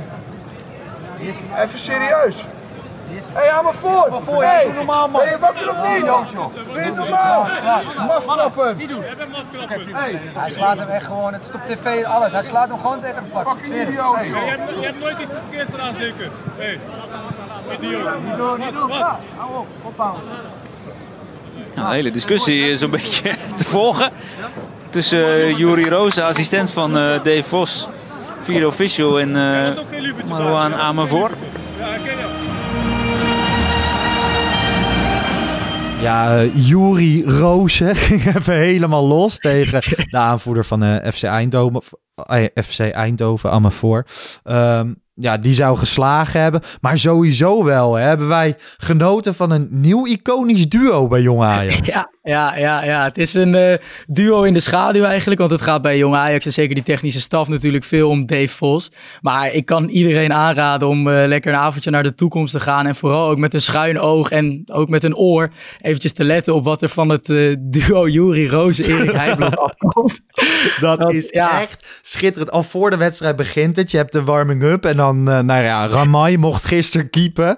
En die, die highblok staat gewoon alleen maar naar hem te schreeuwen, op zijn schouders te beuken en vuisten ja. van kom op, hè, vandaag gaat het, vandaag nou gaat het gebeuren. Volgens mij dacht hij Ramai, wie is deze gek? Ja, nee, dat, maar en vervolgens gaan die spelers natuurlijk afronden, die basisspelers. En die krijgen het ook nog even om de oren als ze een balletje half stuiterend Nou, het lijkt me een enorm gezellig trio in ieder geval. En, uh, ja, Dave Vos is wel echt de leider. Die zegt continu tegen die twee, want dan staan zij weer op. Hè. Erik Heijblok heeft natuurlijk de multomap, zoals een trainer dat heeft met de magneetjes. Juri Roos die springt ook elke keer op en die begint dan bijvoorbeeld op Amefor te schelden. Nou ja, het fragment wat we net hebben gehoord is, gehoord, is iconisch. Maar nou ja, in de laatste minuut krijgt Eindhoven een vrije trap. Wie gaat de muur neerzetten, Thijs? Doet Ramai ja. dat, de keeper? Of doet nee, Heijblok nee, dat? Denken, dat is uh, Erik Heijblok. Zoals hij dat bij elke spelervatting doet. Dan uh, is het met z'n... Nou, ik denk dat hij ruim twee meter is. En dan gaat het multimapje onder de arm. En dan uh, ja, buldert zijn stem over het hoofdveld van de toekomst. Ja, niet te missen zou je denken. Maar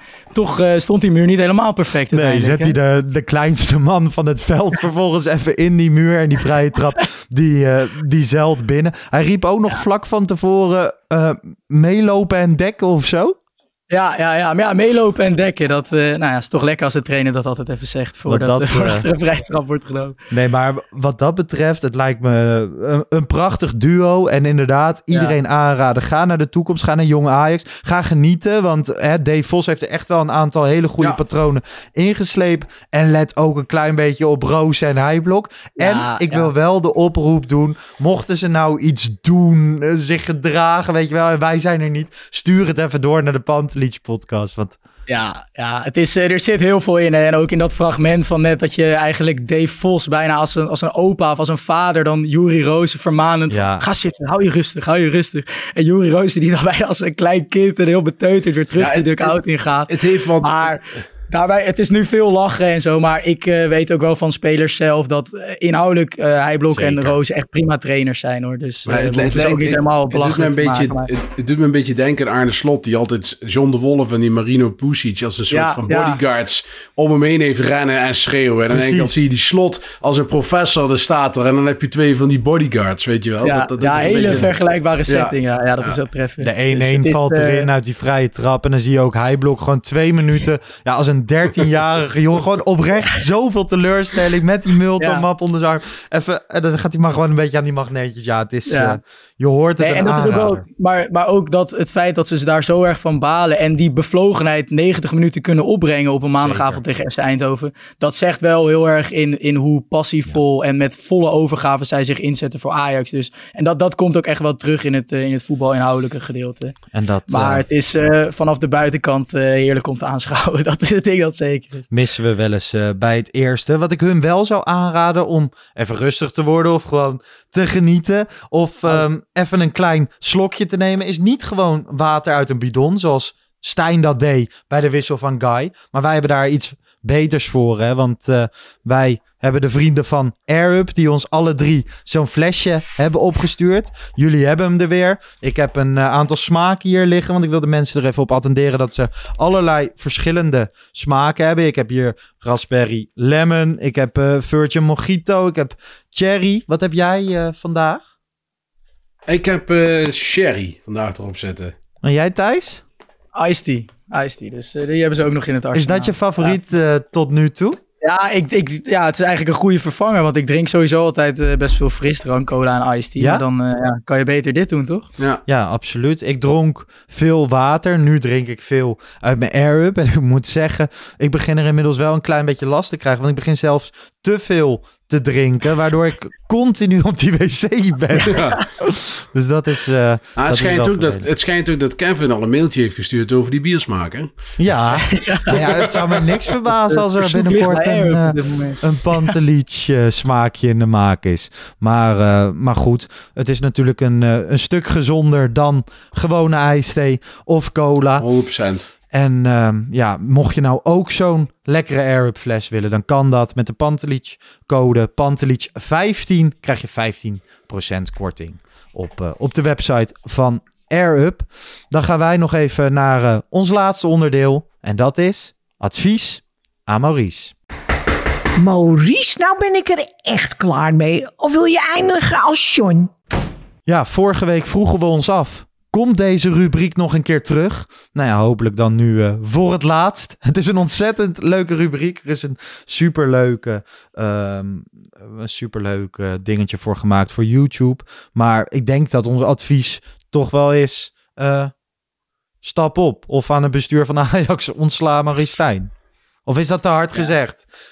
Nou ja, nee, hij zal de eer denk ik niet eh, aan zichzelf houden. Gezien zegt, zijn hij laat geen 3 miljoen contract en die lopen. status. En eh, dat zou ik hem ook niet adviseren als je heel eerlijk niet. bent. Want Nee, je- je bent gek niet. als je dat doet. Maar ja, vanuit eh, voetballend oogpunt. En we hebben het uitgebreid besproken in deze podcast. eh, in eerdere afleveringen. eh, denk ik dat, dat Ajax er mee geholpen is als hij zo snel mogelijk eh, ja, weg is als trainer. Ik Ja, vind het ik ehm, wel moeilijk, hè? Want ik denk, eh, ik denk nog steeds dat Maurice Stijn, ondanks dat ik af en toe best wel van een baal, dat ik weer een beetje van schrik als je dan ziet hoe hij tegen Joep Schreuder staat te praten en dat het in niets een Ajax-trainer is. Denk nog steeds dat je in de kroeg prima een biertje met hem kan drinken. Denk dat het een hartstikke Oh, aardige man is. Ik vraag het mezelf ook best wel eens af van, zitten wij dan zo fout als sommige mensen hem nog een kans willen geven? En ik vind het ook ehm, bijna jammer dat we er zo negatief over praten. Ja. En Het, het, het maakt het ik- natuurlijk niet veel leuker om te podcasten, maar goed. Nee. Zeker. Maar ik bedoel, belangrijke nuance ook wel. Want eh, ja, die reacties eh, ontvang ik soms ook in mijn, in mijn DM's. Van alsof eh, wij Stijn persoonlijk niet mogen. en helemaal hem, en hem, en hem haten. Of een of andere haatcampagne voer- voeren. Ik denk, wat, wat wij duidelijk doen, is het gewoon op het voetbal in de inhoudelijke beoordelen. En op wat we op het veld zien. En soms wellicht in interviews. Maar daarbij gezegd hebben ook, en dat hebben we ook na die eerdere persconferenties gedaan. Dat hij toen gewoon een hartstikke leuke indruk maakt. En eh, weet je wel, die, die Hagenese charmes. Daar kan ik op momenten ook, eh, ook echt wel van genieten. Maar ja, voetbal inhoudelijk houdt het gewoon niet over. En daar beoordelen wij hem op. En het is absoluut geen persoonlijke nee, ik- ben- ik of ben het helemaal met je eens, Thijs. En vooral met name dat moment toen hij eh, zijn eigen technische directeur voor de bus gooide. Ja, Ja. dat was het begin, het begin van het einde. Ja. Ja, wij zijn best wel lang, hè, zolang zij in elk geval naar buiten uit een, eh, een pact Duo. hebben gevormd, een Ja. duo waren, ehm, zijn we daar best wel lang achter blijven staan. En dan eh, het moet groeien. En de, ja, dit heeft tijd nodig. En Ajax is op dit moment Ajax niet meer. Maar dat ga je niet veranderen door continu mensen eruit te gooien. Het is wel van cruciaal belang dat er eh, juiste keuzes gemaakt gaan worden. En wij geloven dus niet dat dat eh, nog met Maurice Stijn gaat gebeuren. Nee. Hoe, eh, hoe treurig ook. Ehm, dit was hem voor deze week. Vorige week zei ik misschien wel de langste Pantelic podcast regulier ooit. Nou ja, daar zijn we deze week weer overheen gegaan. Ehm, voor iedereen die dit punt van de podcast nog heeft bereikt.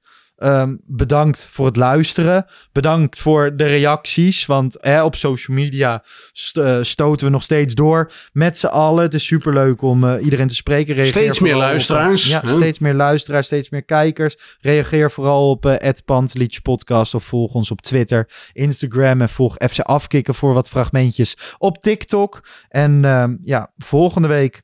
Nee, wij zijn er zaterdagavond weer met de wedstrijdeditie. Jij, Ja, Thijs? ja, zondag, eh, zondag gaat Oké. dat worden. Ajax speelt zaterdagavond en ik denk zondag, eh, einde middag, begin avond zal die wedstrijdeditie online Samen komen. met, Dus dan, eh, samen met Jan. We kijken er Ja, weer naar absoluut. uit. Bart, wij zijn er volgende week weer. Volgende week woensdag. Dan weer gewoon met Kevin.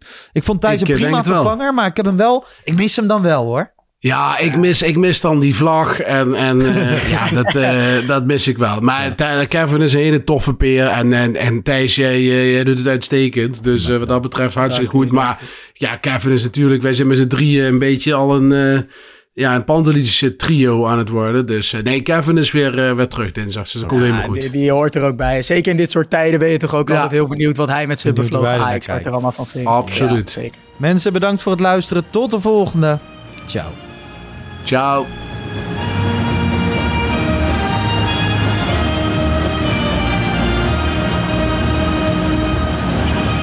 Let's go Ajax.